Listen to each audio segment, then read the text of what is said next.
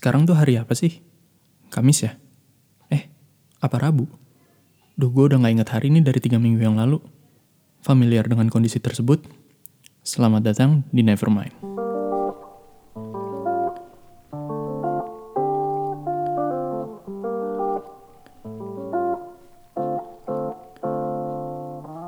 Kita udah mau masuk minggu keempat nih dalam melakukan sesuatu di rumah aja.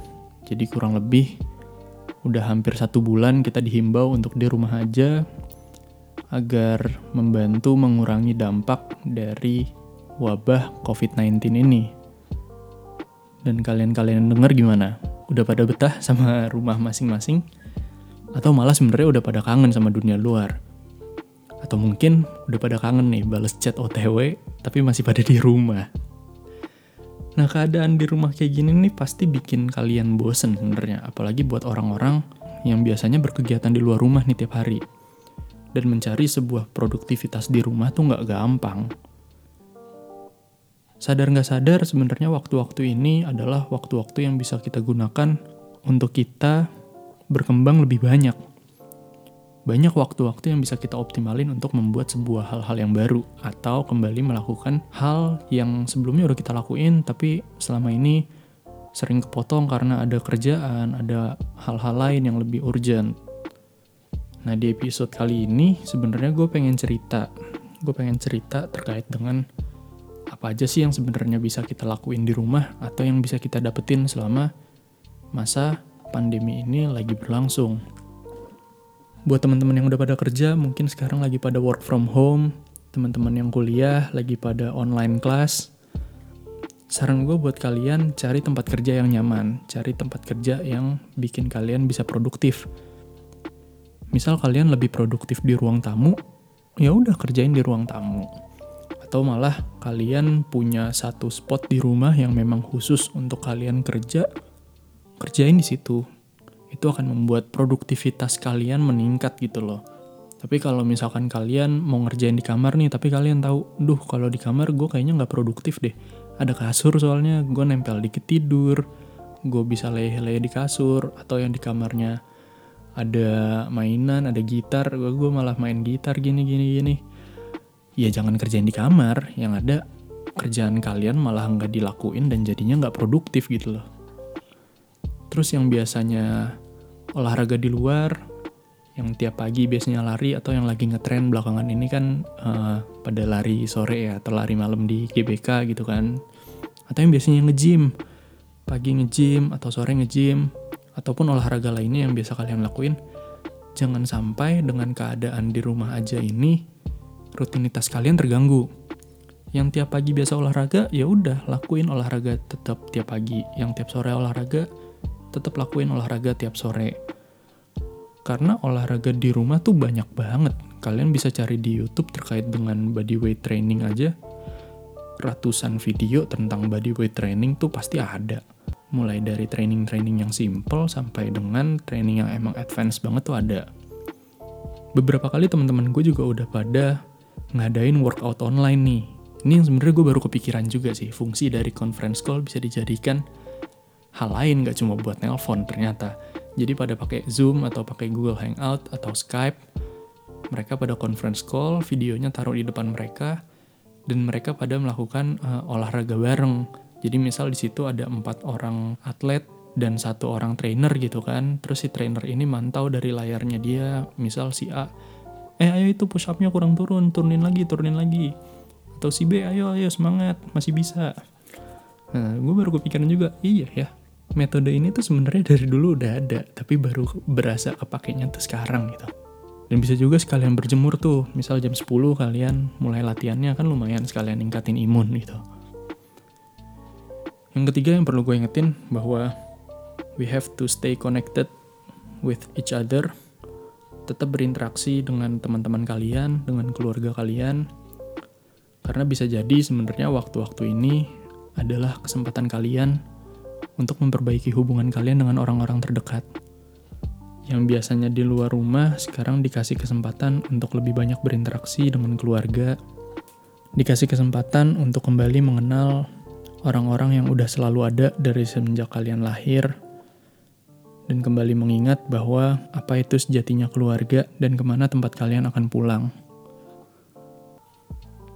Yang biasanya selalu bareng temen tiap harinya di kampus, selalu kumpul sama geng kalian, sekarang dikasih kesempatan untuk berjarak.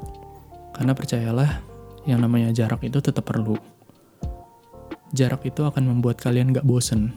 Jadi nanti ketika kalian ketemu lagi sama teman-teman kalian ini, kalian akan mendapatkan sebuah feel yang berbeda, kalian bisa sharing cerita-cerita baru, kalian punya pengalaman-pengalaman baru, dan ini membuat pertemanan kalian nih ke depannya nggak monoton gitu. Jadi kalian nanti ketika ketemu lagi akan merasakan sebuah rasa yang namanya ngelepas kangen. Dan kalian juga akan belajar untuk lebih menghargai waktu ketika kalian lagi sama orang-orang ini. Begitu juga yang sama pasangannya sering ketemu setiap hari. Misal kalian satu kampus, lima hari seminggu kalian ketemu sama dia, sekarang adalah waktu-waktu yang pas untuk berjarak dulu sama pasangan kalian. Sama kayak temen, mungkin kalian akan jadi monoton ketika kalian selalu ketemu tiap harinya. Dan kalian akan dituntut untuk mencari hal baru agar hubungan ini tuh nggak bosen. Nah, waktu-waktu ini adalah waktu-waktu yang baik untuk kalian kembali menjadi diri kalian, sehingga nanti ketika kembali lagi, kalian akan lebih fresh dalam menjalani hubungan tersebut. Kondisi sekarang nih sebenarnya mirip sama LDR kalau gue bilang ya, karena menurut gue LDR itu bukan cuma soal jarak, tapi lebih ke soal intensitas bertemu fisik. Jadi dengan adanya kegiatan di rumah aja, kalian berjarak dengan pasangan kalian, karena kesehatan dari pasangan kalian itu sekarang menjadi prioritas utama buat kalian-kalian yang tidak pernah menjalani LDR atau yang belum pernah menjalani LDR, sekarang waktunya. Jadi, selamat mencoba. Yang keempat, menurut gue, coba kembangin hal-hal yang selama ini kalian jarang bisa lakuin. Buat kalian-kalian yang biasanya sibuk bekerja, sekarang bisa nekunin hobi-hobi yang bisa kalian lakuin di rumah nih. Kan biasanya orang-orang yang kerja di Jakarta tuh pada habis waktu di jalan ya. Apalagi teman-teman yang rumahnya di luar kota terus kerjanya di Jakarta. Misal ada yang rumahnya di Bekasi di Depok di Tangerang. Kalian datang ke Jakarta aja waktunya udah ngabisin berapa lama. Terus kalian bekerja di Jakarta terus pulang lagi ke rumah kalian masing-masing. Sampai rumah akhirnya ya udah cuma mau istirahat aja karena badannya udah capek. Nah sekarang bisa balik lagi nih kalian-kalian yang dulunya suka nulis sekarang ada waktu lebih untuk bisa kembali ngambil buku kalian, buka-buka blog kalian lagi, mulai menulis dikit-dikit, yang suka main musik, mulai banyak ngulik-ngulik lagu lagi, jamming sama temen via online, yang suka ngegambar, mulai ambil lagi drawing pennya, mulai ambil lagi kanvas kalian, melukis lagi. Nah ini adalah waktu-waktu yang paling pas buat kalian untuk kembali mengasah kemampuan-kemampuan kalian itu. Biar kalian juga sebenarnya nggak bosen untuk ngerjain yang itu-itu aja yang paling sering gue lihat belakangan ini adalah orang-orang jadi sering masak nih. Ada yang emang baru belajar masak, ada yang emang baru tertarik untuk masak, atau memang ada yang udah jago masak, tapi mau coba-coba resep baru gitu kan.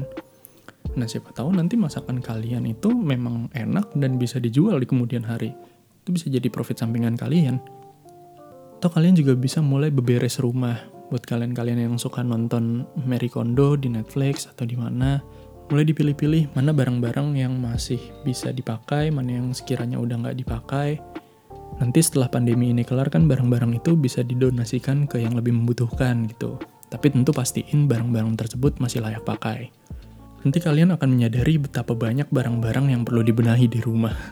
Dan dengan merapikan rumah kalian, kalian nanti akan mendapatkan sebuah vibe baru, vibe positif melihat sesuatu yang tertata, yang nyaman dilihat, itu membawa kesenangan pribadi buat kalian ya kita nggak usah ngomongin rumah dulu deh, kita start dari meja belajar kalian, atau dari salah satu sudut sisi kamar, kalian benahin, kalian beresin, nanti biasanya akan ngikut tuh dari satu sisi ke sisi lain, sisi lain, akhirnya satu kamar selesai kalian bersihkan.